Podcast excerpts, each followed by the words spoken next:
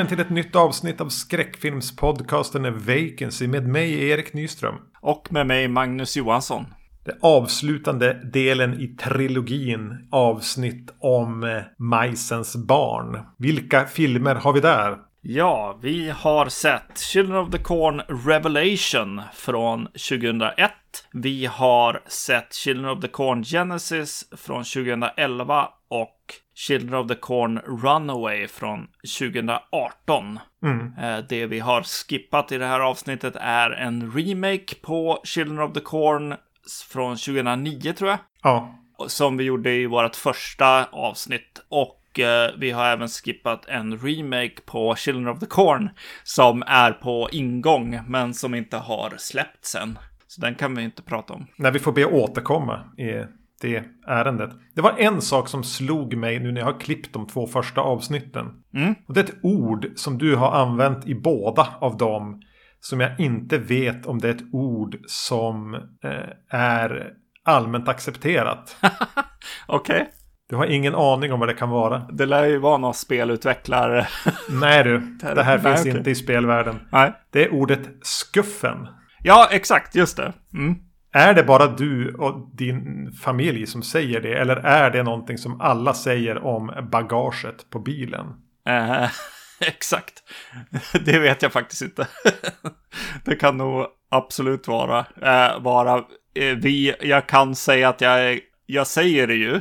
Men jag säger det ju i de här avsnittet lite för att se vad, vad, hur du reagerade på ordet också. Ja, ja. Jag, jag, jag, jag bara bet ihop och körde vidare. Fan sa han? Nej, det får jag försöka rädda i klipprummet. Så om det är någon som har st- stannat upp där som lyssnar och bara vad fan sa Magnus? Skuffen? Vad, där är, vad är det? Så är det alltså bagaget på bilen. Eh, bagaget har jag nog inte sagt. Alltså det skulle vara bakluckan då. Ja, På bilen. bakluckan. Men eh, jag har aldrig sagt, sagt bagaget. The trunk. Precis. Ja, är det någon av ni som lyssnar som också använder ordet skuffen i vardagstal Ja. så återkoppla gärna. Yes. Förstod ni vad han menade? Mm. Men du, eh, nu skiter vi i det och börjar prata om Children of the Corn Revelation från 2001. Den första Children of the Corn-filmen som vi då inte såg tillsammans skulle jag säga. Här, här gav vi upp. För jag, och jag hade inte sett den tidigare. Nej, jag har inte sett någon av de här filmerna tidigare. Nej, nej, Nej, exakt. lite, lite var väl det. När man satte sig ner och såg den. Så bara, jaha, nu sitter vi och ser de här.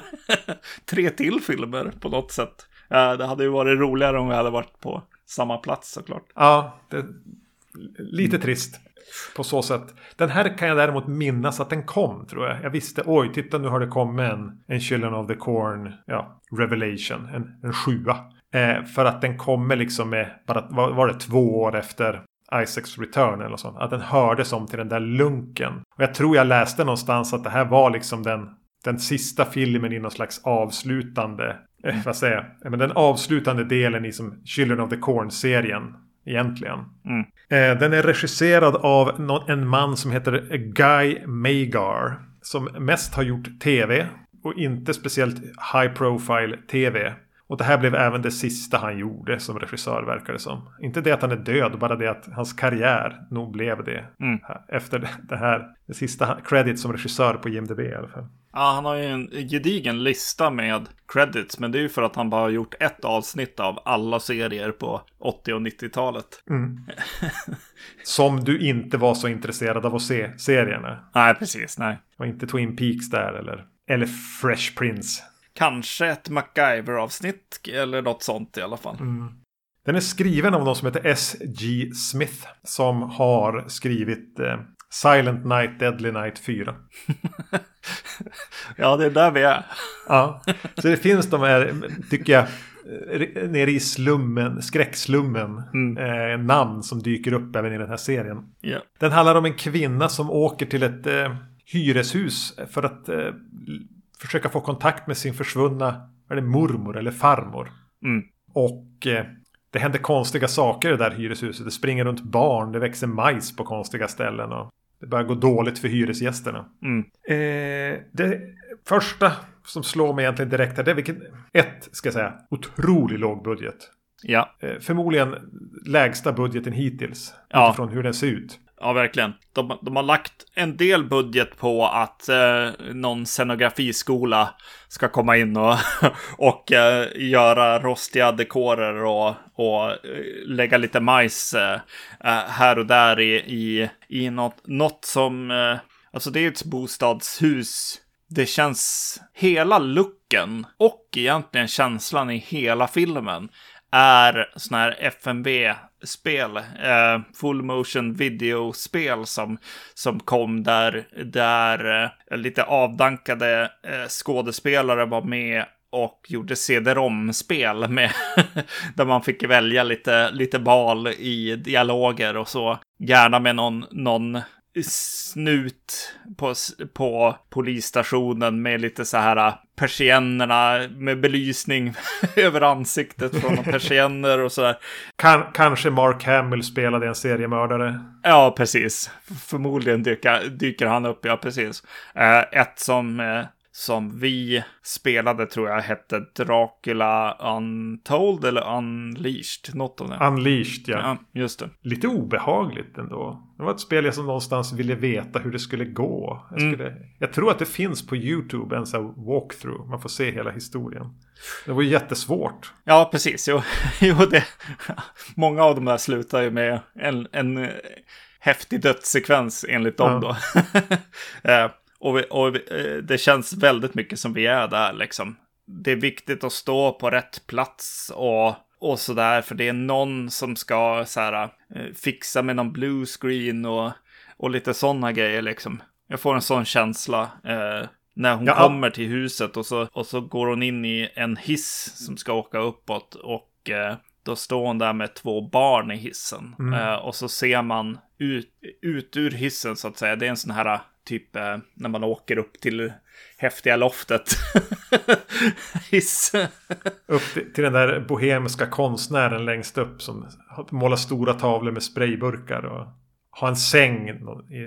Ja, vad heter en sån? Varuhiss kanske? Jag vet Ja. inte. ja, Men något eh, det, det känns som att de, eh, man ser ut liksom när de åker mellan våningarna. Och jag, jag kan tänka mig att det är någon slags green screen liksom sak som händer där som, som de måste, de måste stå väldigt så här still på, ett, på rätt sätt och sådär. Eh, det påminner mig väldigt mycket om de här gamla spelen liksom. Att eh, loopen ska funka, att man kommer tillbaks till, så här, till, till valplatsen så att säga. Ja, jag, jag- såg bara en soundstage med, med byggda kulisser. Ja. Och jag har, också, jag har också scenografiskolan i mina anteckningar, står det här. Mm. De duktiga eleverna som har gjort de slitna korridorerna och de slitna ru- rummen. Jag kan nästan, det är nästan som man får känslan att väggarna i korridoren är ställda så att saker ska rymmas hellre än att de faktiskt är där. Mm. Det, det är så otroligt byggt.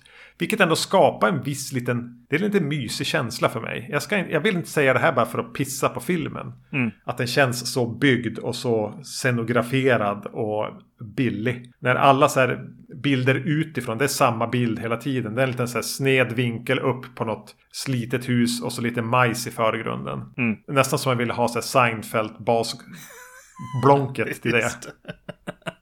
Ja, det vore ju toppen.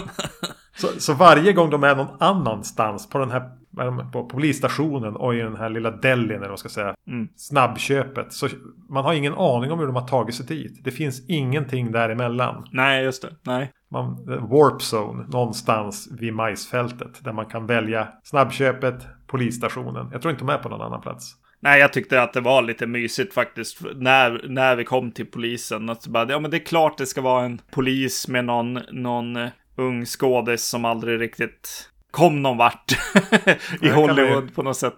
Som dyker upp där och eh, han, eh, ja, han sitter ju precis med de här, den här persiennljussättningen och, Ja. och pratar med henne och eh, ställer frågor precis som, som i de här spelen lite grann. Att jag säger min replik och så andas vi en liten stund och så sen säger eh, nästa person sin eh, replik. Så att, eh, jag kunde nästan bara fastna i det där. Jag ville lägga upp lite val på skärmen, liksom några, några options. Kommer det inte en uppföljare till Mimic? Alltså om det var Mimic 2 eller Mimic 3 som mm. kändes lite så här. Det var ja. den jag minns från en, det var en film vi såg tillsammans. Den jag minns från den var att så här, manliga huvudrollen, eller en större biroll i alla fall, spelades av latinamerikansk skådis som då för mig var mest känd från den här tv-serien som heter den Jessie som hon eh, Christina Applegate hade. Mm. Som skulle vara lite vännerlik. I den hade hon ett kärleksintresse som var någon latinokille.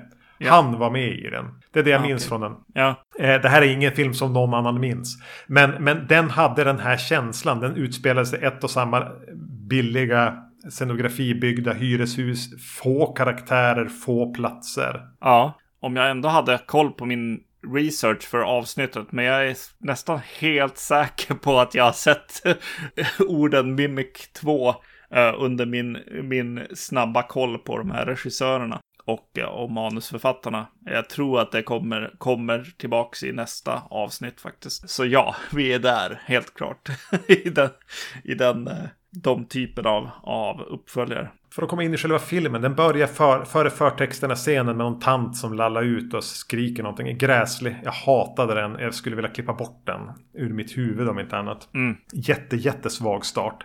Sen tycker jag när vi kommer in och mer får börja bekanta oss med det här hyreshuset. Eh, att eh, hon som kommer dit då för att ta reda på vad som har hänt med Grandma.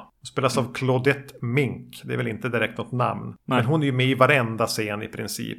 Och eh, jag tycker hon kämpar på beundransvärt. Mm. Det är, om vi skulle ha en liten Oscarsgala kring kring Children of the Corn-universumet, eller det här som vi har sett, så, så, skulle jag vilja nominera henne till, till så, möjligtvis bästa skådespelare eh, i huvudroll, eller åtminstone hårdast arbetande.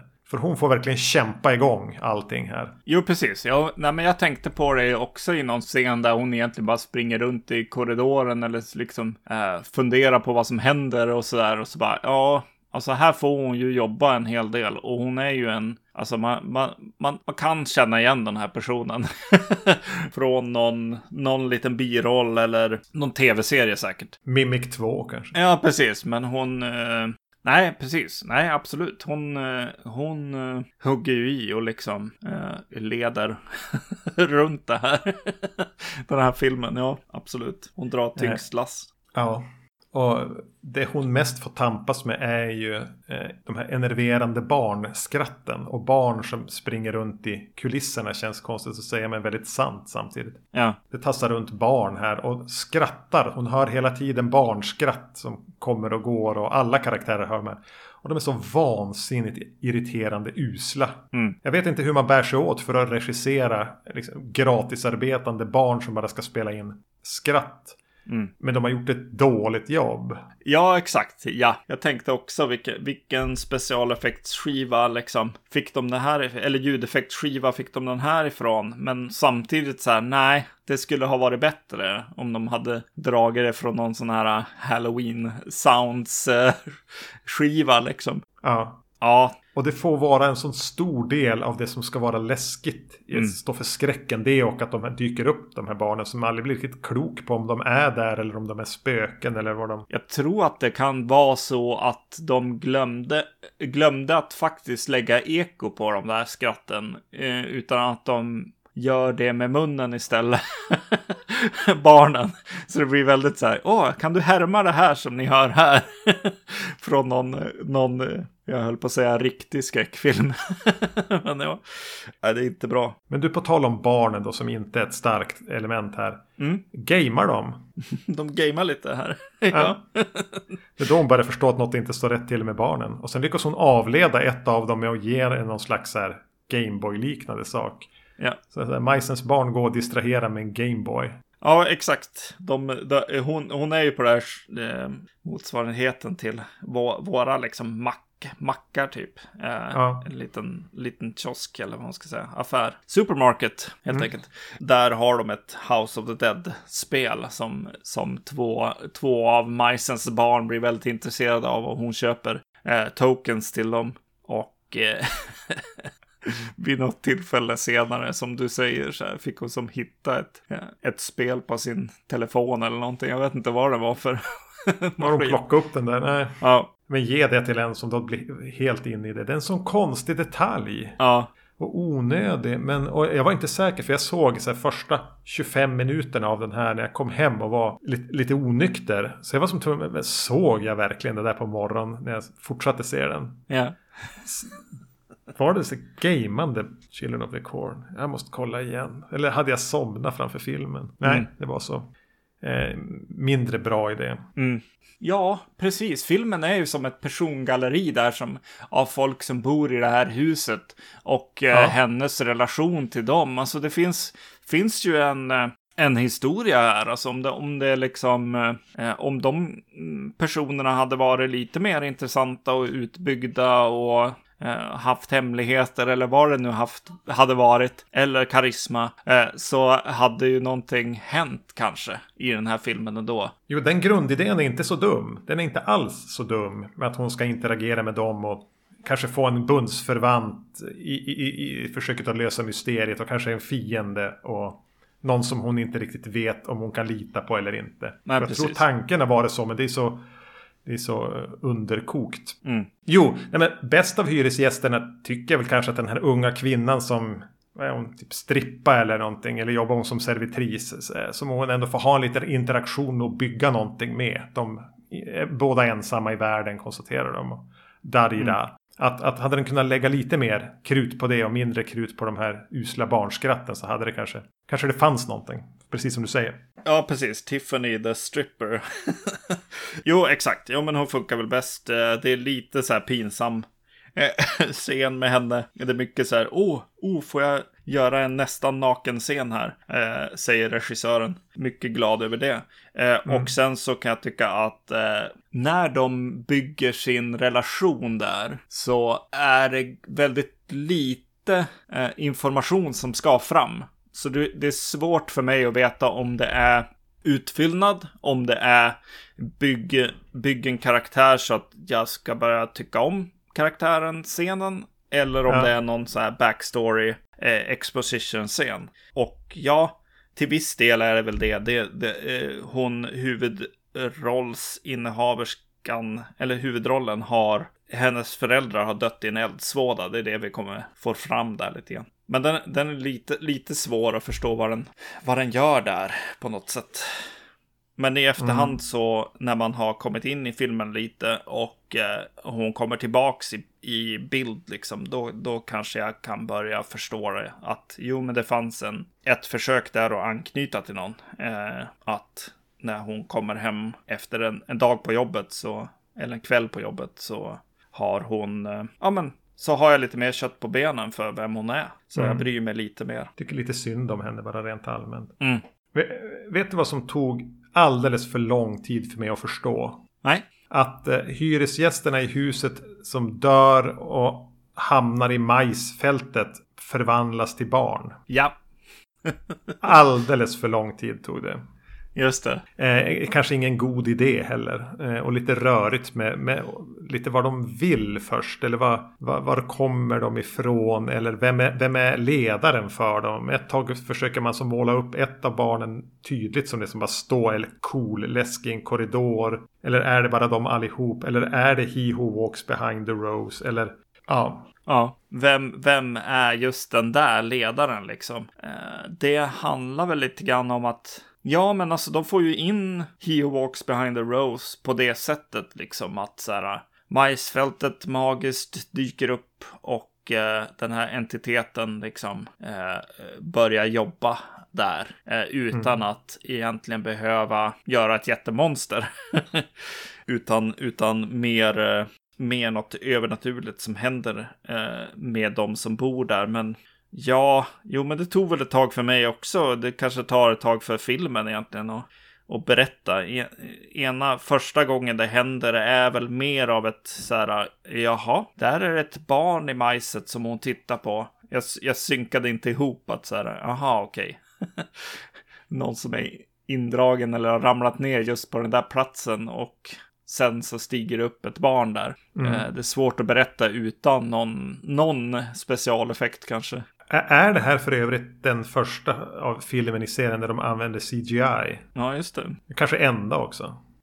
Visst är det CGI-majs som kommer upp genom golvet där på... Ja, just det. Mm. Ja, det är inte jättekul. det heller. Nej, lågbudget CGI från 2001. Eh. Mm. Men eh, det mest groteska i filmen. är det Michael Ironside? det är Michael Ironside. det blev mest såhär, uh, över. Uh, och det, det, här kanske är folk som gör, men uh, det är att uh, det är en scen när en, en karaktär lägger sig i badkaret och börjar raka benen. Mm. I badkaret. Mm. Det, jag, jag, jag, vet inte. Det, det får, får andra svara för. Jag, jag, jag, jag rakar inte mina ben så att... Nej, men jag har heller aldrig rakat skägget i ett badkar. Så jag ska få mitt skägg över hela kroppen sen när jag stiger upp. Ja, exakt, exakt.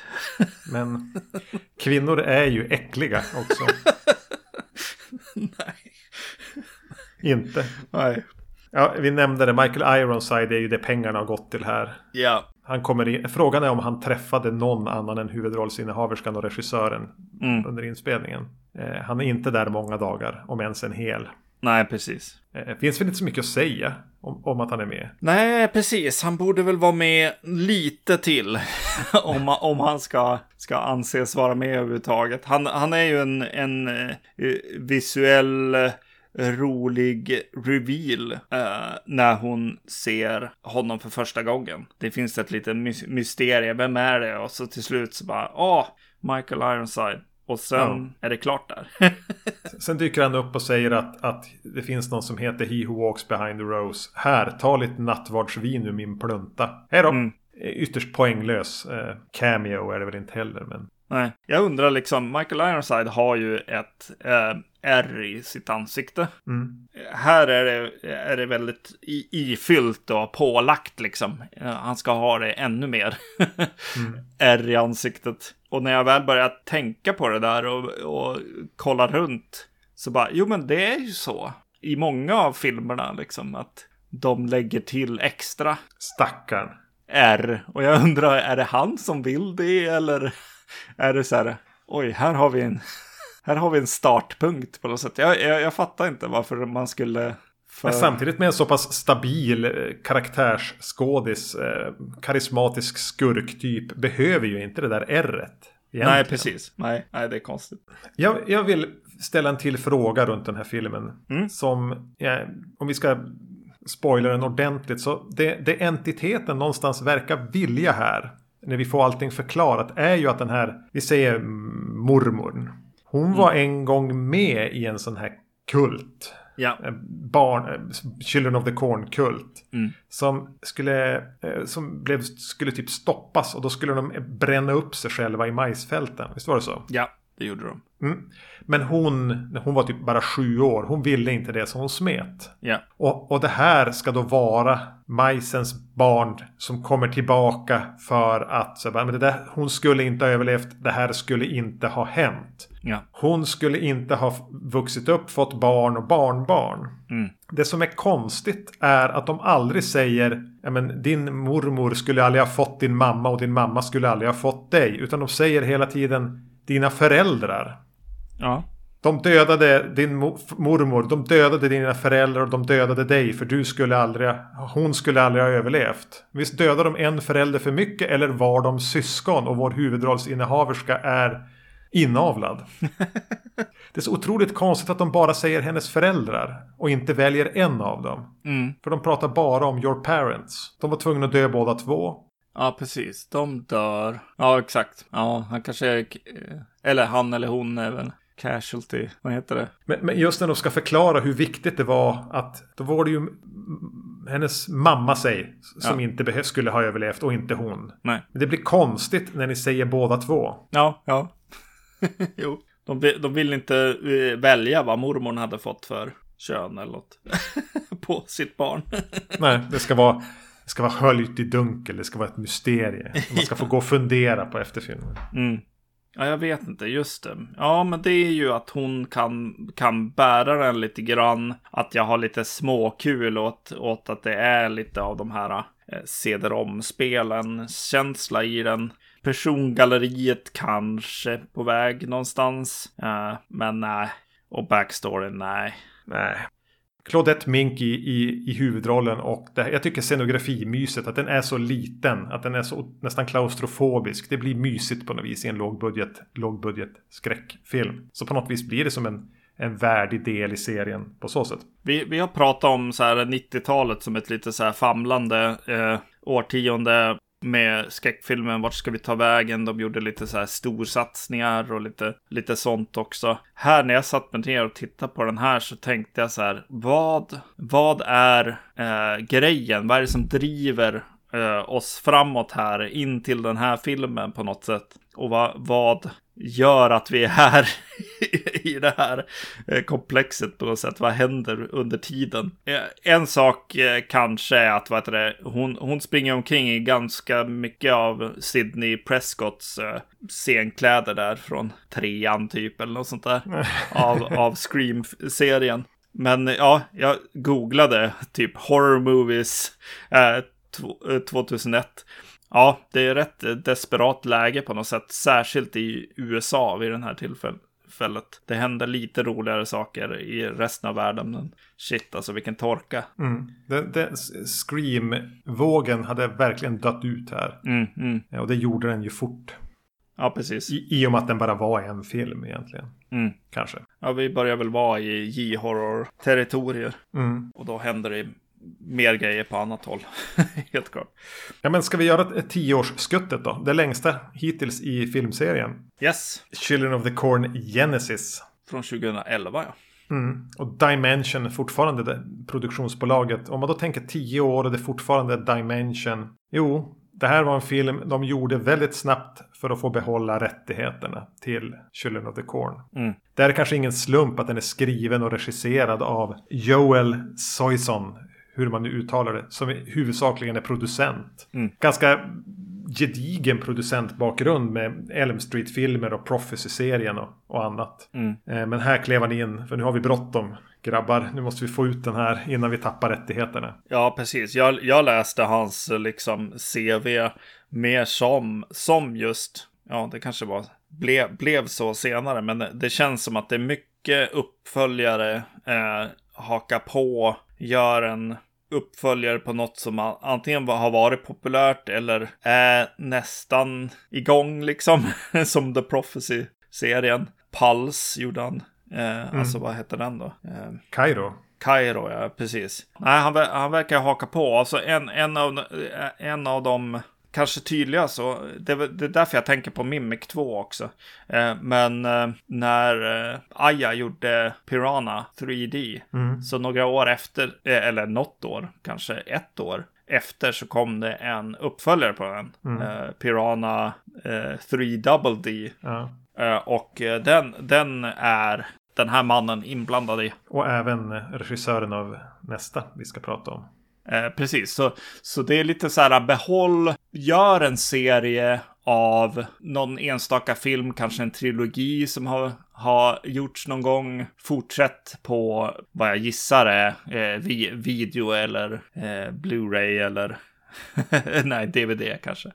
Marknaden. Ja, och, och att han ändå har varit skräck hela tiden. Och ja. verkar ha gjort skitjobb på Elm Street. Alltså verkligen så att nu, ja, men du får hämta donuts. Ja men visst, jag gör det. Mm. Inte någon som har kommit in med pengar. Utan snarare någon som har kommit in och, och velat jobba i filmbranschen. Det här är bara känslan av den här killen nu. Ja, precis. ja. Men du vill sluta prata om Joel Soyson nu. Ja. Soyson. Soyson. Han har i alla fall knåpat ihop den här lilla historien. Som börjar med en liten kort glimt in i hur det gick till vid den ursprungliga massakern. Där vi får se en hemvändande Vietnamsoldat. Eventuellt bli dödad fast kan förmodligen inte av eh, barnen som har dödat hans familj. Visar det sig. Mm. Vi hoppar till nutid där ett ungt par har fått eh, problem med bilen ute i öknen. De lyckas hitta till ett hus där de tror sig kunna få låna en telefon och ringa en bärgare.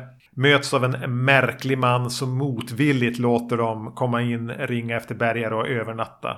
Men det pågår ju någonting märkligt på den här gården. Mm, ja. Den märkliga mannen spelas av Billy Drago. Ja. Som eh, väl är mest känd från Untouchables. Där han spelar mannen i den vita kostymen. Vad heter han? 90. Mm. Eh, sen var han ju även med i eh, det här eh, Masters of Horror avsnittet. Som vi har pratat om här eh, det, det asiatiska av Mike.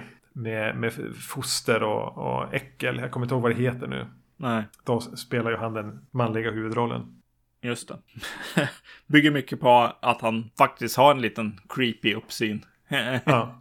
He- Helt klart. Och, och eh, kan spela in i det också. Eh, den här flashbacken eh, spolar jag tillbaks till. Mm. Jag känner att, ja det här ser ju inte, igen, ser ju inte bra ut. Det är ju liksom direkt, det är ju DV, foto och så. Men jag kan känna att det finns ambitioner att åtminstone likna en film här. Mm. Eh, rent eh, fotomässigt. Särskilt en skräckfilm skulle jag säga. Det ligger nog någonting i, i den här regissörens eller produ- producentens liksom jobb i att egentligen göra någon slags uppföljar-kopia-fabrik nästan.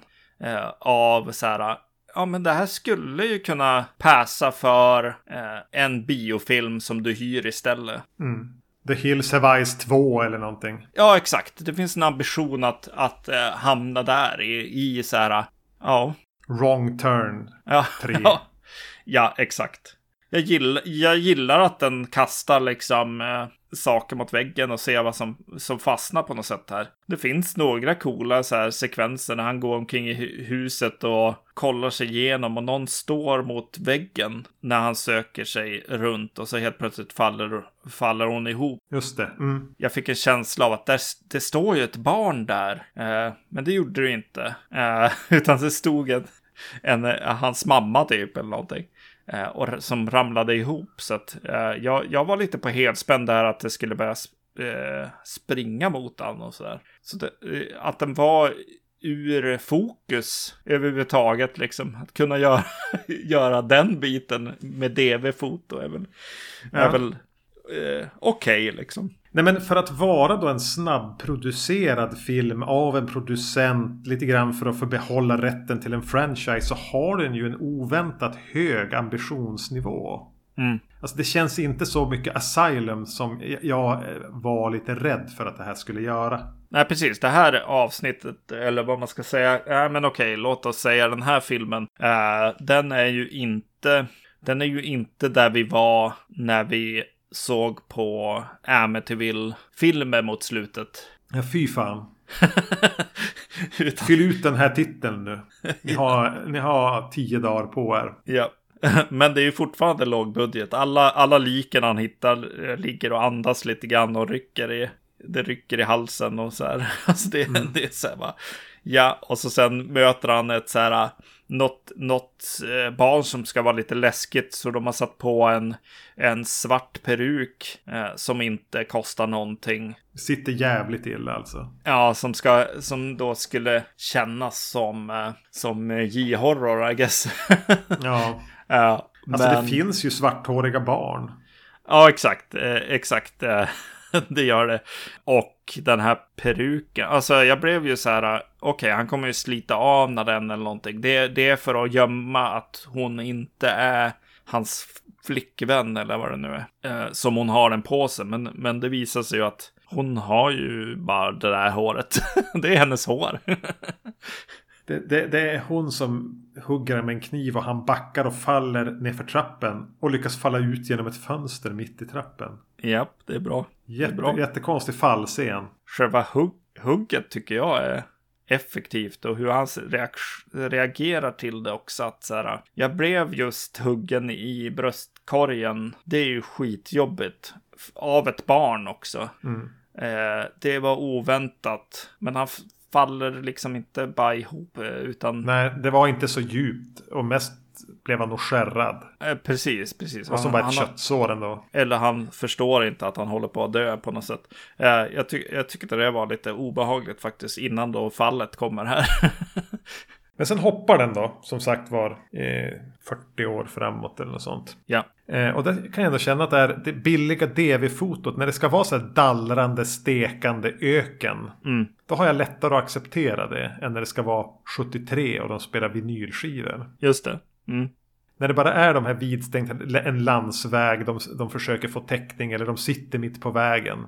Ja. Ja men visst, fota, fota sånt här då. Låt det bara för guds skull aldrig bli mörkt. Ja. Eh, Men jag tycker att, att där får, får återigen att den, den försöker ha en look. Den försöker, som du sa ganska bra tycker jag, så imitera en riktig film i alla fall. Mm. Kanske.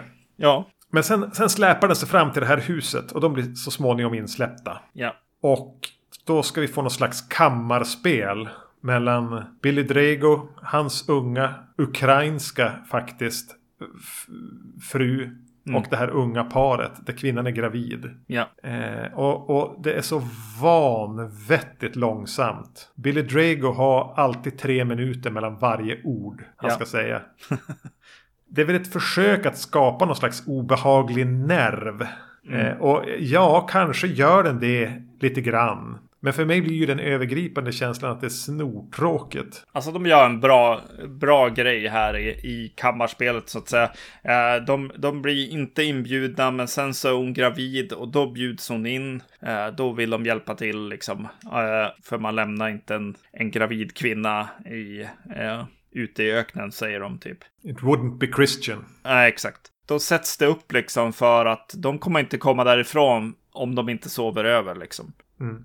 Och då får de ju ett rum. Och där tycker jag att de gör en bra, bra sak för vad den här filmen är. Eh, De sätter upp för mig att jag ska eh, bli orolig och skrika åt eh, skärmen senare. Eh, för han berättar att vi är väldigt privata personer. Ni får vara i ert rum. Ni kan gå till köket och dricka vatten. Och ni får gå till uthuset och gå på toa. Alla andra liksom hus på tomten och alla andra rum i, i, i det här huset får ni låta vara. Gå inte dit. Det är ett ganska effektivt sätt att sen då i, i nästa scen göra så att hon går på, på toaletten och sen hör någonting i ett annat hus och börjar röra sig ditåt. Hon tillbringar ju sin lilla promenad över hela jävla tomten. Eh, exakt. Och ha, hade jag varit liksom o, onykter i ett eh, gäng, satt, sitta och titta så skulle jag nog lite skämtsamt eh, skrika åt, åt tvn att nej, gå inte dit. Men också när jag sitter i min ensamhet så, ja, jag tänker nog den tanken ändå. Mm. Jo, jag ska väl erkänna att jag också gjorde det. Ja. Även om jag var jätteirriterad på kvinnan. Mm. Hon, hon, hon skaver för mig. Ja. Alltså skådespelaren skaver. Ja, Det finns inget makatycke mellan hon och hennes pojkvän heller. Det var lika bra det som hände i den här filmen. För det hade aldrig, de hade aldrig blivit lyckliga tillsammans. nej. De blev lyckligast så, så som det slutar här. det jag tycker är kul med, med den är att så här, de, de kommunicerar med varandra och berättar vad som händer dem. Mm. Det tycker jag är lite en nice, annorlunda sak. För att det är en film som vill börja separera dem och få dem att tvivla på varandra och så. Men de, de sätter i alla fall upp för att de här två säger ju sanningen till varandra. De säger om det händer något som är awkward eller konstigt liksom. De pratar om det. Att så här, ja men den här eh, frun som han har där i, i huset. Hon vill ju komma med dem och hon börjar så här ta på, på mannens eh, snopp eh, utanför jeansen och så här börjar visa, visa brösten och så där. För att verkligen bara ta mig härifrån typ. Du kommer att bli rikeligen belönad. Exakt. Och eh, det berättar han direkt vad som har hänt till frun. Men ändå så ska det sås misstanke om att det kanske inte var allt som hände. Eh, alltså någonting i det här. Vem försöker manipulera vem till vad? Spelet som pågår här. Det påminner mig lite grann om hur Lost trampade på ett tag. Så här, vem vill vad? Va, va, varför gör den så? När den säger det, vill han egentligen det? Jag tänkte en del på det. Så här, mani, man, manipulativa spelen som pågick där. Och den är ju någonstans, den är ju ambivalent hela tiden. Mm. Vem vill vad? Vem talar sanning? Vad vill Billy Drago? Mm. Va, vad var egentligen sanningen bakom barnet i, i, i ladan? Mm. Vi får inte riktigt veta. Nej. Och det är väl lite behagligt ambivalent. Men även lite frustrerande bara. Jaha, it, Jo, precis. Uh... Det väckte ingen lust hos mig att tänka vidare på det. Att se om filmen. Att, att diskutera hur det hänger ihop. Nej, precis. Men alltså, eh, jag tror att det... För mig så beror det ju absolut mest på att vi har en, eh, en person i huvudrollen som hade... Där, där skulle vi ha behövt en... Någon som jag känner igen lite mer. Eller som hade varit lite halvkänd som hade få, fått ge filmen lite pondus utöver liksom han här ma mannen då. Billy Drago? Ja, precis, exakt. Det skulle ha varit en typ av Dakota Fanning eller ja, Alicia Dusko kanske från, från Wrong Turn eller alltså någon, någon lite mer. Eh... Allt annat än hon? Ja, ja, ja, kanske. Ja, precis. Jag tror att det kanske hade varit bra om det var någon typ så här igenkänning i, i personen också. För det, det, hade, det hade hjälpt den här filmen för att de hinner inte riktigt med att ge henne nog i, i karaktären per se. Ja. Eller? Och, och, det är märkligt med tanke på hur mycket den som tillbringar med att fylla speltid. Mm. Med att låta, alltså låta Billy Drago sitta och knarra i en fåtölj.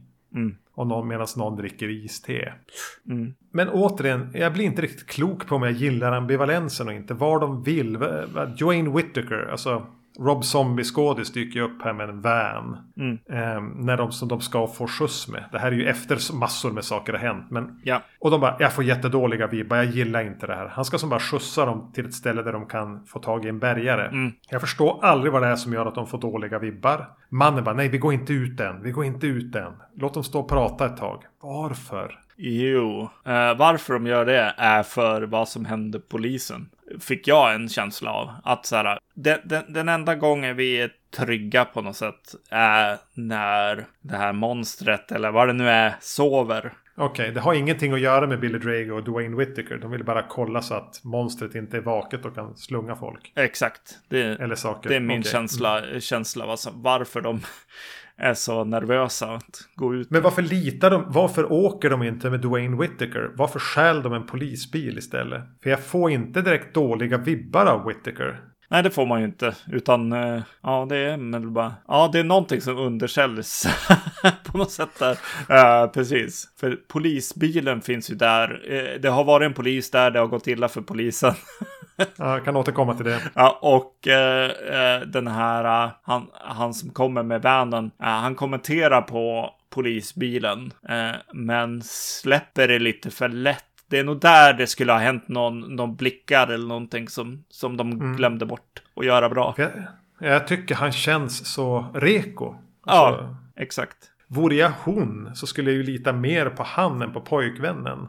Ja, exakt. Jo, definitivt. Men det som händer under natten är ju det här telekine telekinesiska bonansan. När någonting börjar kasta runt möbler och Mm. Och de blir liksom gisslantagna. De får inte lämna huset. Och det är förmodligen det här barnet som sitter inlåst i en lada. Någon plåtlada. Mm. Eh, och vems barn är det och varför är det där och vem är ond och vem är god. Det funkar sådär va? Ja. Ja, exakt. Jo, eh, precis, just det. Ja, ja, det är lite som spelar roll i slutändan eh, också. Mm. På grund av det kanske. Att så här, det kan gå bra, det kan gå dåligt. Det är okej okay, både och liksom den tappar den där, åh nej, gå inte, gå inte dit. Mm. Någonstans. Och hotet blir ju så vagt, eller så otydligt. Var kommer det ifrån och vad, vad har det egentligen för krafter? Mm. Det är i princip Gud som håller dem gisslan i den där stugan. Ja. Eller då djävulen. Mm. Och det, det blir för, det finns inga regler. Nej. Vilket ju visar sig när polisen kommer dit. Som de faktiskt inte, de bankar och skriker på några tunga brädor men han kan inte höra dem. Mm. Ja, det är ju lite, det var ju lite, det är ju lite mardrömslikt sådär. Ja, men låt han då bara åka därifrån. Ja. Men nej, den här onda kraften, vilket jag tycker är rätt coolt. Polisen kastas ju bara rakt upp i luften. ja. Och försvinner. Ja, ficklampan faller ner. Yes. Ja, ja men nice tänkte jag. Det var ju ett sätt att, att göra någonting. Även om jag kanske någonstans ändå hade föredrag om han hade åkt därifrån. Ja. Så gillade jag ändå sättet som han blir dödad. Mm. Ja, så vitt vi vet är han på väg mot Merkurius nu. Jo. Ja, en av, en av våra kompisar när vi var små och så, såg lite av sådana här typer av hyrfilmer liksom. Uh, han hade nog spolat tillbaka och sett det några gånger till. Uh, det är en ganska rolig, rolig sekvens vad som händer där. Sen då, eh, efter eftertexterna, eller under eftertexterna, så får vi en scen när, när det förklaras hur det gick till och han faller ner igen. Mm. Så förstör det det lite coola med att han bara försvann. Jo, det hade varit coolare om han bara försvann. Ja. Alltså, jag, jag får en känsla av att det här är en film som vi kunde ha hyrt och haft en filmkväll och bara sett. Det, det, det, det är långt ifrån uh, den skit som släpps som skitfilm nu. Jo, och även gjord i 2011. Ja, exakt. Yes. Eh, så, så, så har den ju en egen, den har ju ändå en egen identitet. Mm. Det är jätteoväntat att vi får en scen på en motorväg när typ, vadå, ska vi anta att det är He Who Walks Behind the Rose? Mm. Börjar kasta bilar från en sån här biltrailer Ja. på våra hjältar. Alltså en sån här eh, Final Destination-scen. Ja, exakt. ja. Snyggt genomförd. ja, precis. Utifrån att det här är lågbudget Mm. och gjort på kort tid. Ja. Nej, den, den, jag, jag blev lite förvånad alltså. Jag tänkte inte att eh, åttan, Children of the Corn 8 skulle, skulle vara typ lika bra som Children of the Corn 3. Ja, men det är väl lite styrkan och svagheten om vi ska förekomma nu eh, listan vi ska göra. Att det här är nog den jämnaste filmserie vi har att göra med. ja, jo. Men det kanske inte heller är speciellt bra i det här.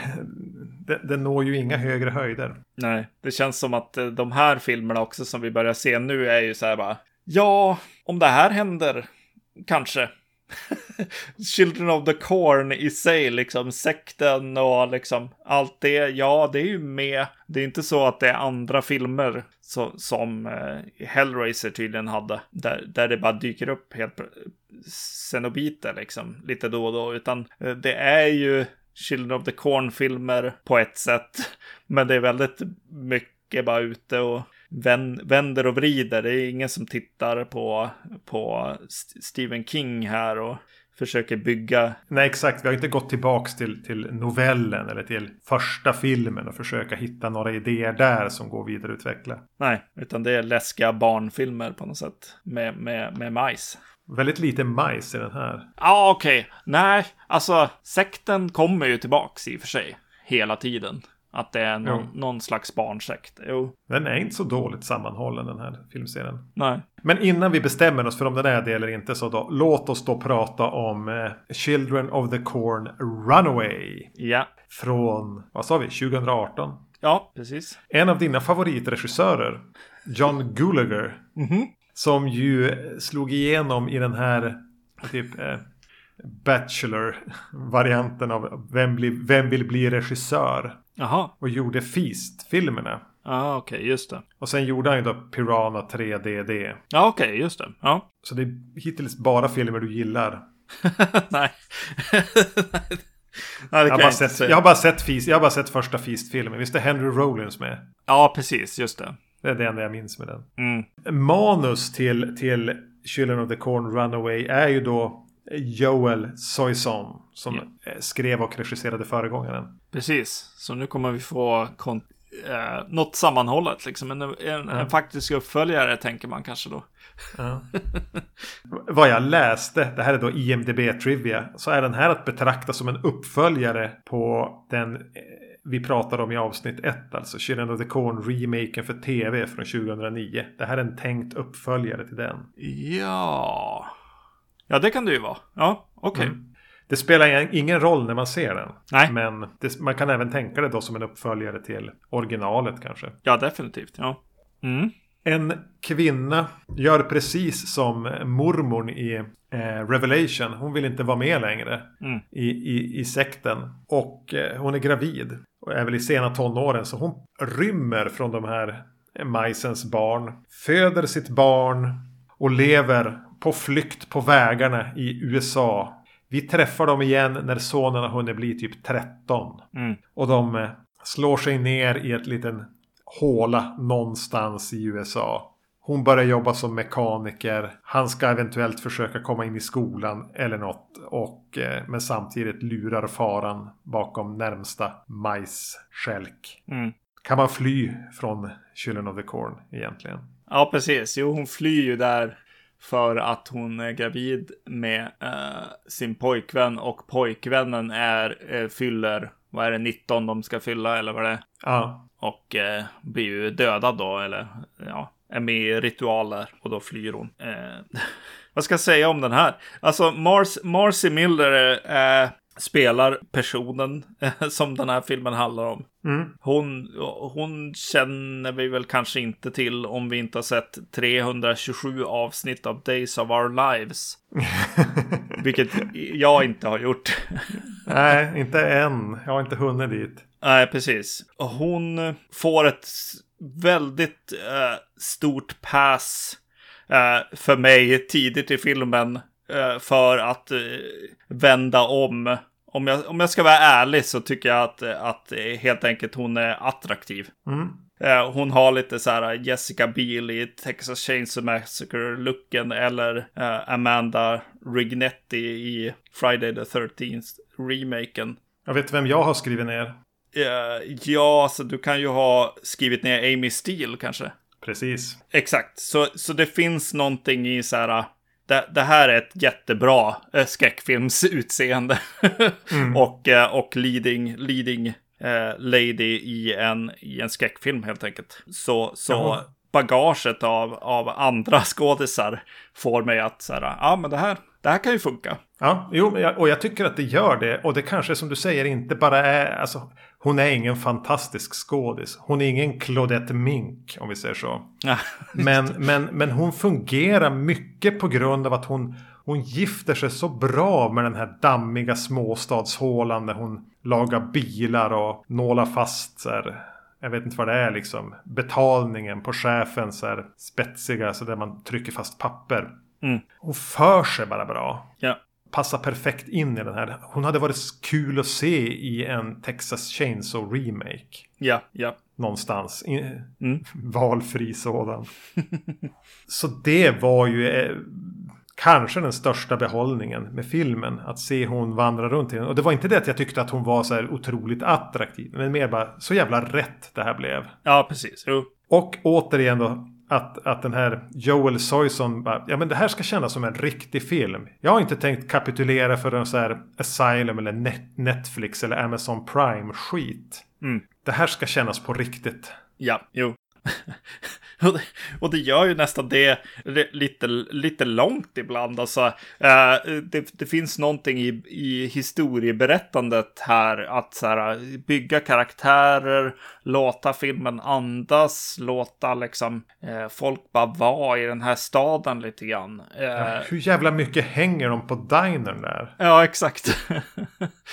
det, det är väl där, därför jag blev lite så här, hmm, är det bra? Är det hur hon, hur hon påminner om Amy Steele eller någonting liksom, eh, som gör att, att det, det funkar? Eller är det här utfyllnad? Eller börjar jag faktiskt liksom vara i världen och, och finns det ett värde i det sen jag har sett en massa Children of the Corn-filmer som går från mord till mord eller eh, skyndar sig genom eh, eh, karaktärsbyggnad och sådär. Eller är man så jävla svältfödd på skräckfilmer från 2000-talet som tar tid på sig? Ja, jo. Att man är beredd att acceptera en skräckfilm som inte gör någonting annat än tar tid på sig. Precis. Mm. Eh, fan, vi måste dräpa någon bonde här. Nu har vi ju bara varit hängt på dinern och hon har bara lagat bilar. Ja, exakt. Jag började eh, efter ett långt tag började jag bara. Har det, nu har det så här gått kanske en timme eller en och en kvart eller någonting och det är två som har dött tror jag eller något sånt där. Ja. Liksom. Ja, Alltså den blir ju tyvärr då småtråkig också. För det finns ju inte jättemycket att berätta. Mer än en så här häng i småstan med Amy Steele. Mm. Eh, så ja, den är, den är ju trist också. Ja, Eh, men den har saker som fungerar. Mm. Och, och då, ska, då ska jag vara lite modig här. Du kanske håller med mig eller inte. ja, Flickan i gult som struttar runt. ja, Är förmodligen efter Isaac och Malachi det bästa barnet i Children of the Corn-serien. ja, Eller och Isaac och Malachi är ju inte barn, de är tonåringar. De är fan nästan vuxna. Ja. Det här är det bästa barnet vi har att göra med. Ja, precis. Jo, det var det jag tänkte på. Jag tänkte på att eh, barnen är barn här. Eh, även de som börjar vara i tonåren är tonåringar. Det, det är ju bra och eh, hon, hon är ju definitivt bra och eh, jag får göra saker som känns obehagliga och lite så här att man tänker på henne nästan också i scenerna. Att så här, och Ja. undrar hur de har filmat det där och sådana grejer liksom. Men ja, jo, jo, hon är bra. Och det här jo Joel Soyson vag, behagligt vaga som han verkar kunna leverera då i, i Genesis. Var ju här bara, är hon på riktigt? Finns hon? Ja, precis. Mm. Är hon ett spöke? Är hon en, en eh, inbildning? Eller är hon en flicka där i staden som tas över av He Who Walks Behind the Rose? Och jag tycker att, att man kan nästan den kan nästan få vara så hela vägen igenom. Jag är inte övertygad åt något håll. Mm. Eh, och det är ju lite behagligt att en film som en sån här jävla slaskdynga har en sån passage med, med, med den karaktären. Och sen får ju hon göra saker. Ja. Hon, har, hon gör ju di- två direkta mord. Alltså Mm. Michael Myers mord. Ja. Det första på den här bonden ute i ladan är väl sådär. Ja. Tycker jag. Men hon ger sig på mekanikern, alltså chefen här. Ja. Jag tycker att det är lite obehagligt. Ja, precis. Det, är, det är inget dumt skräckfilmsmord alls. Nej. Nej, det är rätt bra alltså. Jag tycker det är bra. Och det är väl där, där det finns en nerv i också. Att så här, det är en liten flicka som gör det också. Så det finns en, Ja. en, en liten aspekt av det, det jag just sa. Att så här, eh, vad är hon med om nu? ja. Ja, men hela, hela eftertexterna ägnar sig väl åt henne, tror jag. ja, exakt. Och när hon åmar runt i majsfälten och typ slutar med att hon typ skedar He Who Walks Behind the Rose eller någonting. Ja, det var ju en för, förvånansvärd turn of eve- events. Ja. För just innan det så hade jag skrivit att så här, men du, He Who Walks Behind the Rose då? Men det är samma sak som du sa just med, är hon på riktigt eller inte? Eh, är ju typ, He Walks Behind the Rose. Eh, Finns den entiteten liksom överhuvudtaget? Eller var det en sekt hon lämnade ja. eh, som är ute efter henne fortfarande? Och lite sådana saker liksom. Det är nästan som att den här klänningflickan och He Who Walks Behind the Rose tar en selfie i majsfälten i slutet. Ja, ja, ja. Tillsammans. eh, men jag- var ganska länge inne på att den här flickan i gul klänning var mer en symbol och att det var Amy Steele här, nu får hon heta så. Eh, att det var hon som hade fått en knäpp och mördade. För det fanns en logik i det att hon har ihjäl den här bonden för han är typ otrevlig mot hennes son eller mot henne eller mot på, på dinern. Mm. Och sen, sen den här mekani- halta mekanikern som hon har någon slags eh, försök till fling med. Ja, Och börjar behandla henne illa efter det blir ju ganska snabbt också mördad. Så jag tänkte, okej det är egentligen hon som dödar alla. Det finns ingen, ingen sekt efter henne. Det finns ingenting i majsfältet. Utan, utan det här är bara hon. Hennes egen, egna trauma som tar över. Jo, men alltså det hintas väl åt det hållet alltså hela vägen igenom. Eh, är det inte något tillfälle där, där det verkligen börjar uh, steppa, steppa upp och hända grejer liksom? Där hon helt plötsligt har bo- blodstänk på sig som hon inte har fått någonstans ifrån. Eh, och bara, åh, min son får inte se det här och så där. Eh, det är som att, ja, det kanske var du ändå. Ja, För, den gör ju den här giren sen och vill att eh, hon på dinern är skurken på något vis. Mm, Som hon har lämnat sonen i händerna på. ja. Men ja, vi ska väl låta det vara osagt. Jag, jag, jag väljer att tro på Joel Soysons medvetna vaghet här. Ja. Att han låter det vara oväntat vagt för att vara andra klassens direkt till video. Eller direkt till streamingtjänst. Mm. Eh, hon har eh, Eh, minnen från, från det förflutna. Hon ser, eh, ser lite vuxna dö och sådär. Hon har, hon har varit, varit ett av Majsens barn, definitivt. Eh, och sen så har hon ju liksom, eh, ser hon syner eh, i allmänhet. Eh, som alltid, alltid börjar med att hon ser en syrsa. Eh, Ja, de synerna är väl, de ger och tar på något sätt. Eh, de har valt att ha ganska mycket digitalt blod i den här filmen och eh, Ja, när, de, fan. när de har det så, så väljer de att pausa den eller köra den i slow motion och sådana grejer liksom. Eh, någon slags eh, cool sitta i after effects och ha roligt eh, scener på något sätt. Och de, de funkar ju inte alltid. Nej, men inte heller aldrig. Exakt, det var det jag skulle komma till. Det finns, finns några syner hon ser när, när folk eh, eh blir, blir dödade framför hennes eh, ansikte och hon, jag hänger inte riktigt med på vilka de är och de är ju i huset de är i och så och, eh, och så använder de en teknik där de kör sakerna baklänges. Mm. Eh, de, de dödar dem, faller till marken och så helt plötsligt så sporas det liksom tillbaka på ett lite obehagligt sätt. Och ibland så spolas det tillbaka, eh, in, inte därifrån hon är nu, utan hon, hon ser det, går fram till det och då kommer tillbaka spolningen. Mm. Precis, de har inte bara vänt på scenen där skådisen föll ner och, och hostade upp lite teaterblod. Utan... Nej, de byter kameravinkel liksom. Ja. Eh, och det, det, det, det, tyckte jag var ganska effektivt. Mm. Oväntat att en sån Alltså egentligen på papper lök i sak ändå ska faktiskt kunna få effekt. Mm, det jag tänkte på med alla de här sakerna hon upplever hela tiden var ju också då i linje med att jag tänker att det, tänkte att det var hon som gjorde allt. Eller kanske var det så. Yeah. Är ju att här har vi ju en som har, som har gått runt med svårartad posttraumatisk stresssyndrom i typ 13 år. Yeah. Och släpar runt på ett barn genom hela USA. Hur fan har de haft det? Har de haft det så här alla dessa år? Vilket jävla elände. Och, och vilken ändå stabil gosse det blev med att ha den här jätte, jättetrasiga mamman. Jo. Som enda håll, fasta hållpunkt. Jo, han har ju fått dra mycket av det här, alltså helt klart. Och, eh, och släppa runt på mamman och, och ansvarstagandet liksom är ju där helt klart. Han har gått igenom en hel del.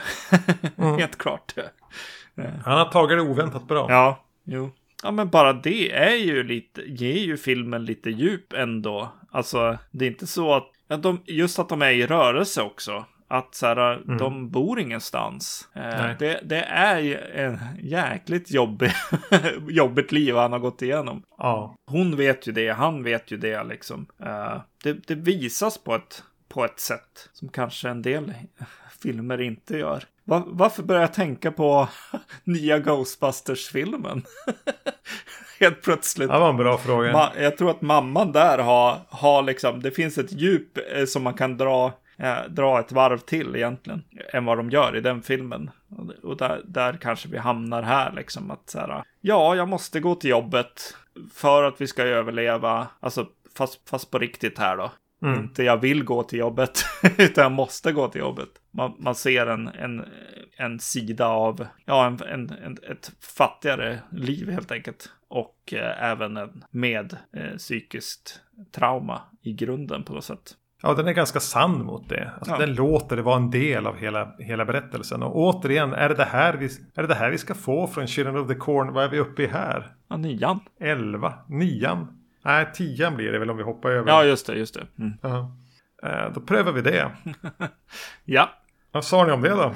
Exakt. Ja, ah, gud vad tur att hon är liksom likable nog för att bära det, bära filmen men å andra sidan så ges ju, ges ju kringkaraktärerna liksom nog mycket utrymme att man ska börja gilla dem också och tänka på deras liksom plats i livet. Eh, han mekanikern som, som haltar och... Hon på dinern, hon som jobbar där, får ju faktiskt lite liv. Ja. Hon får behandla lite kunder, hantera kunder och mm. eh, vara lite charmig och... Mm. Ja. ja, jag måste ändå... Ja, vi, vi, det fanns grejer här. Eh, precis som du sa, jag var inställd på att här vi, då kommer vi att få liksom något fotat med iPhone. Eh, så halv found footage grej för att det är billigt. Och bara springa runt i majsfält ur fokus typ. Att det skulle vara någon sån. Mm. Men eh, som jag sa, finns det någon jämnare filmserie? nej, precis. Nej, nej, nej. Knepet är att inte börja så jävla högt. Nej, exakt, exakt. Ja, nej, nej, precis. Nej, den gör väl inte det egentligen. Eh, den börjar med en uppföljare liksom. Mm. I, I en skräckfilmsserie. Ja, men vad tror du? Ska vi, ska vi, ska vi lämna Runaway? Vi, vi, vi har pratat om den tillräckligt, bestämmer jag bara nu. Ja. Eh, om det inte var någonting som du absolut ville ha sagt om den. Nej, nej. Och så gör vi det här roliga slash ångestframkallande slash meningslösa. Ja. Att, att rangordna filmerna från sämst till bäst. Och som jag sagt, alltså spannet här mellan plats 9 och plats 1. Det är ju inte jättestort. Nej, precis. Eh, men så på något vis blir det ju så att antingen ser du ingen i den här serien. Ja. Du skippar den. Yes. Eller så kan du gott och väl se allihop. Mm. Och jag tycker ändå att du kan se allihop då. Ja, jag, jag, tycker det. Jag, alltså, vi, vi hade ju lätt, alltså, hade vi varit på samma plats eller stannat i ålder, då hade vi ju sett de här också och, och Ja. fått ut ungefär exakt samma sak som, som med resten av serien. Och jag hade gärna haft ett till avsnitt kan jag säga. Mm. Jag hade gärna sett tre till. Ja. Det, jag, jag, jag, jag hade orkat det. Mm. Men jag tror, jag tror att det hade stannat, fått stanna där. Ja. Jag kan väl säga det här redan från början då att, att utom tävlan är ju den här eh, Disciples of the Crow, kortfilmen. Den är inte med på våran, våra listor här. Nej. Men den kanske skulle vara bäst. Ja, kanske. Ja. Om den skulle vara Mm. med. Men nu är den inte det, för det är en kortfilm. Ska, ska, ska du börja kanske? Alltså gud. Eh, ja, som, som, eh, ja, vi skulle ju rangordna de här. Jag sa redan i något, när vi började här, att, att jag bara, ja det här kommer jag ha glömt, de här filmerna. Eh, och eh, nu, nu när vi skulle sätta oss ner och spela in så hade jag glömt att rangordna dem.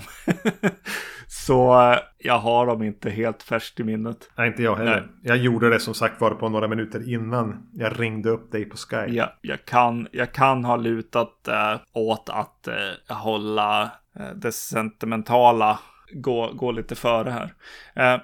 Okej, då, då gör vi så att jag börjar från eh, eh, den sämsta eh, Children of the Corn-filmen och eh, jag satt eh, Revelation där. Vad fan säger du? Ja, exakt. Vad säger du? Scenografiskolan gråter Magnus. Nej, n- när jag satte på, på nionde plats satte jag Children of the Corn 5, Fields of Terror. Mm. Den som börjar med en sån trevlig energi och vi tänker oh vi ska få teen slasher-versionen, Rob Zombie-varianten. Ja. Som får soppatorsk kanske efter en kvart och, och gröta ihop sig med någon sekt och stannar av fullständigt. Jag kan, inte, jag kan omöjligt minnas hur den slutar. Mm. Och ärligt så mindes jag inte det i, när vi pratade om den heller. Nej, nej, tror jag precis. försökte glida över Mm. det. Ja, men du får ta täten igen här. Ja, Eh, vad har du på plats åtta då? Ja, som sagt, nostalgin fick vinna här. Eh, även efter de här samtalen så känner jag bara, öh, varför skrev jag så här? Men eh, jag satt eh, Genesis där. Ja, men du, det har jag också Mm. gjort. Just det. Jag tyckte den var så... Det var en kort film kanske. Ja, Och ingen bra sån. Men den var uppumpad till 90 minuter eller 80 kanske. ja, precis. Jo, men den har bra, några bra poänger. Det har den ju. Mm. Nej, precis. Det var den där uppumpningen, ja, precis. Den, den har ett bra så här, nej, gå inte dit grej. Och så att den som sväller lite grann. Tyckte jag var Mm. kul. Plats nummer sju. Vad har du där? Eh, Fields of Terror har jag där.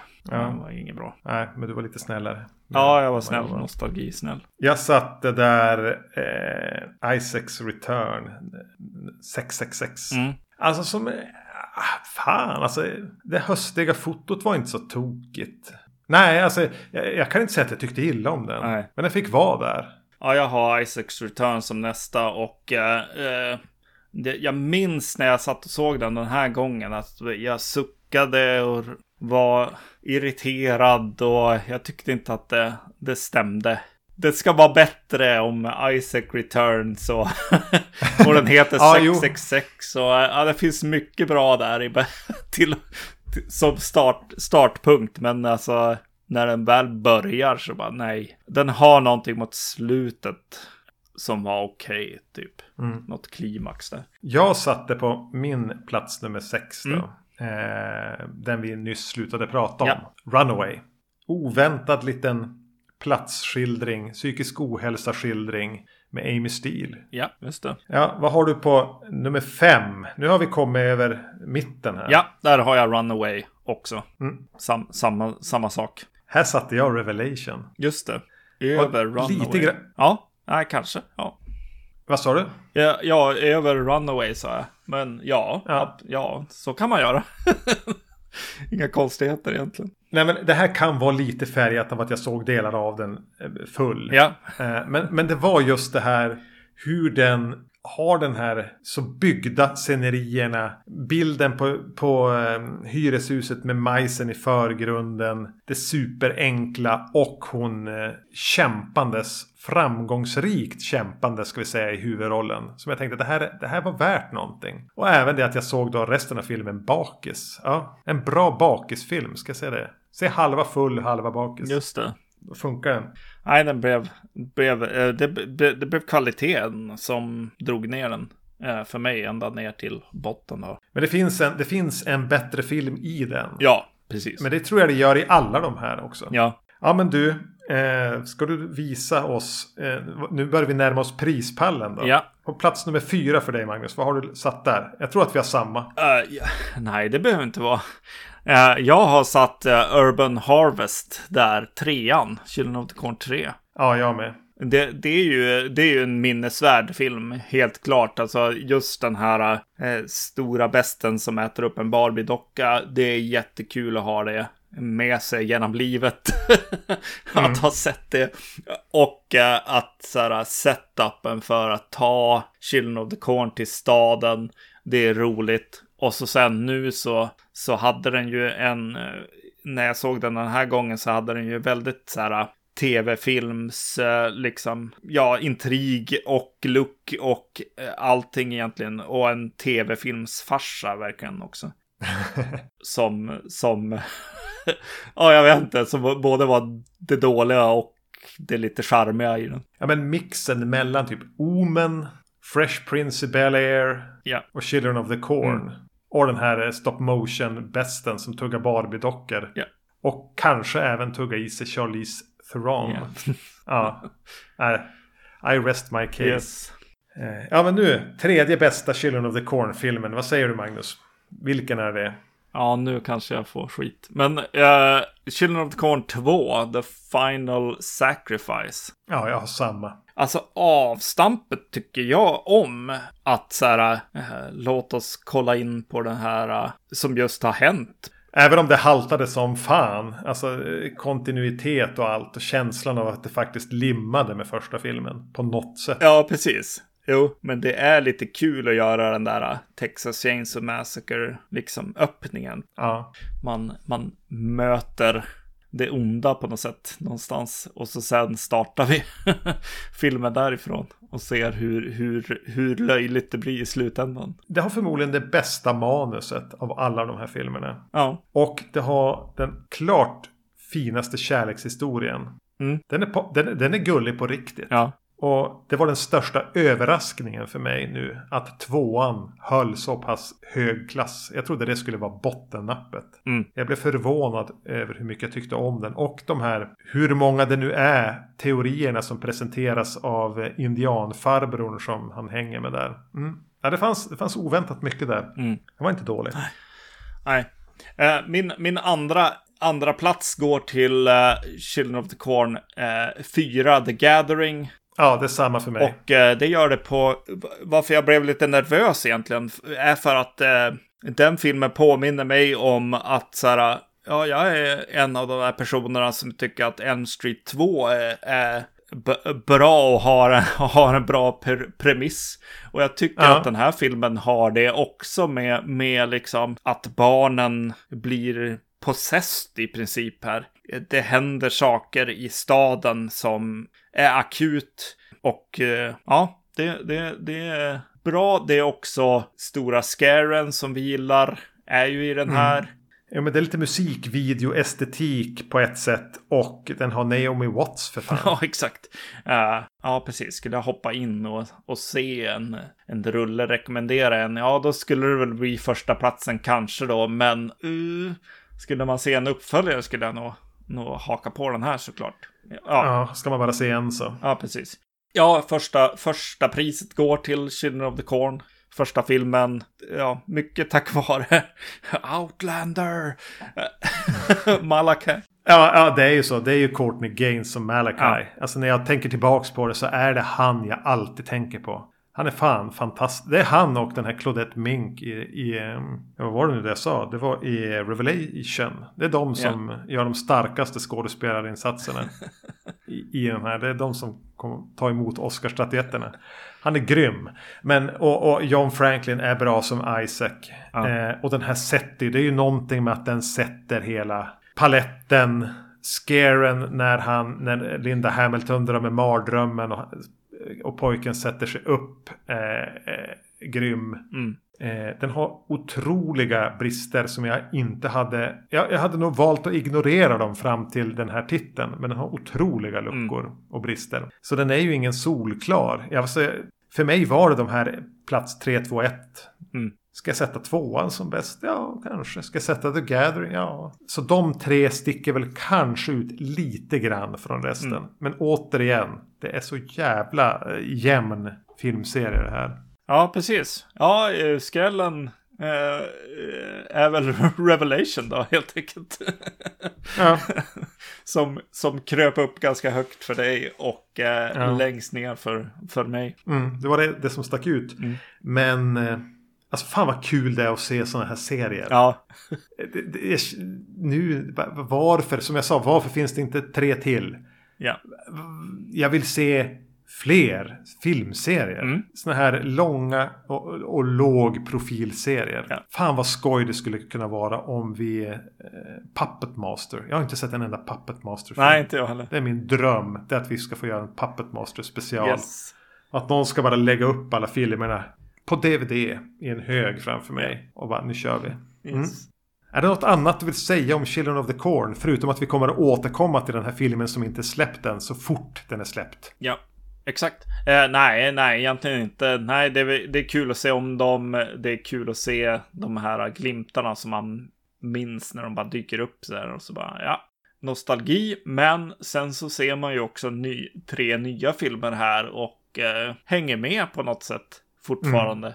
Och det är kul att se. Ja, det, förutom att tvåan var så pass bra så är väl den stora överraskningen att även de som jag inte hade sett var så pass bra. Ja, Och på många sätt kanske bäst, men ändå inte. ja, exakt. Yes. Ja, vad fan, det var så vi valde att fira att vi har hållit på med den här podden i tio Yes. år. Det var att se en massa Children of the Corn-filmer och prata om och det var förbannat roligt. Hoppas det har varit roligt att lyssna på också. Mm. Nästa avsnitt så kommer vi att titta på två filmer som jag tror kom i fjol. Mm. Som vi är lite nyfikna båda två. Eh, där den ena är eh, en film som du har köpt på Blu-ray och den heter... Eh, Den har ju legat här framför mig. The Scary on... Ah, fan. Vänta.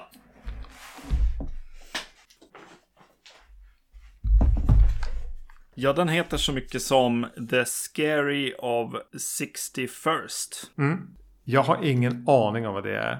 Men när du nämnde den så tänkte jag, ja men jag läste en topplista där jag såg en film som heter The Night House. Mm. Eh, Läste några rader om den och jag tänkte, ja men det där, det där vill jag se. Mm. Så de två, The Scary of 61st och The Night House Mm. blir alltså vårt nästa avsnitt.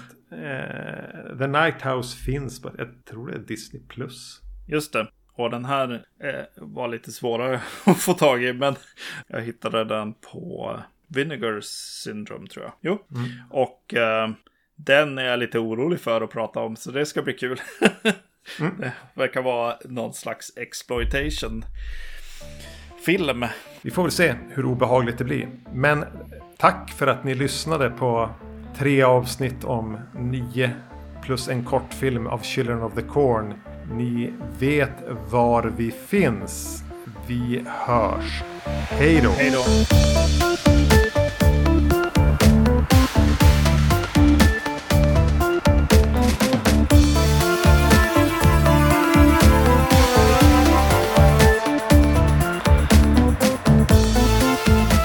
Yes, jag, jag börjar väl med att jag sätter första filmen först. Du går från bäst till sämst du. Ja, det var så jag gjorde. Ja. Det är så gör man inte en, en topplista Magnus. Okej. Det, här får du, det här får du ta om.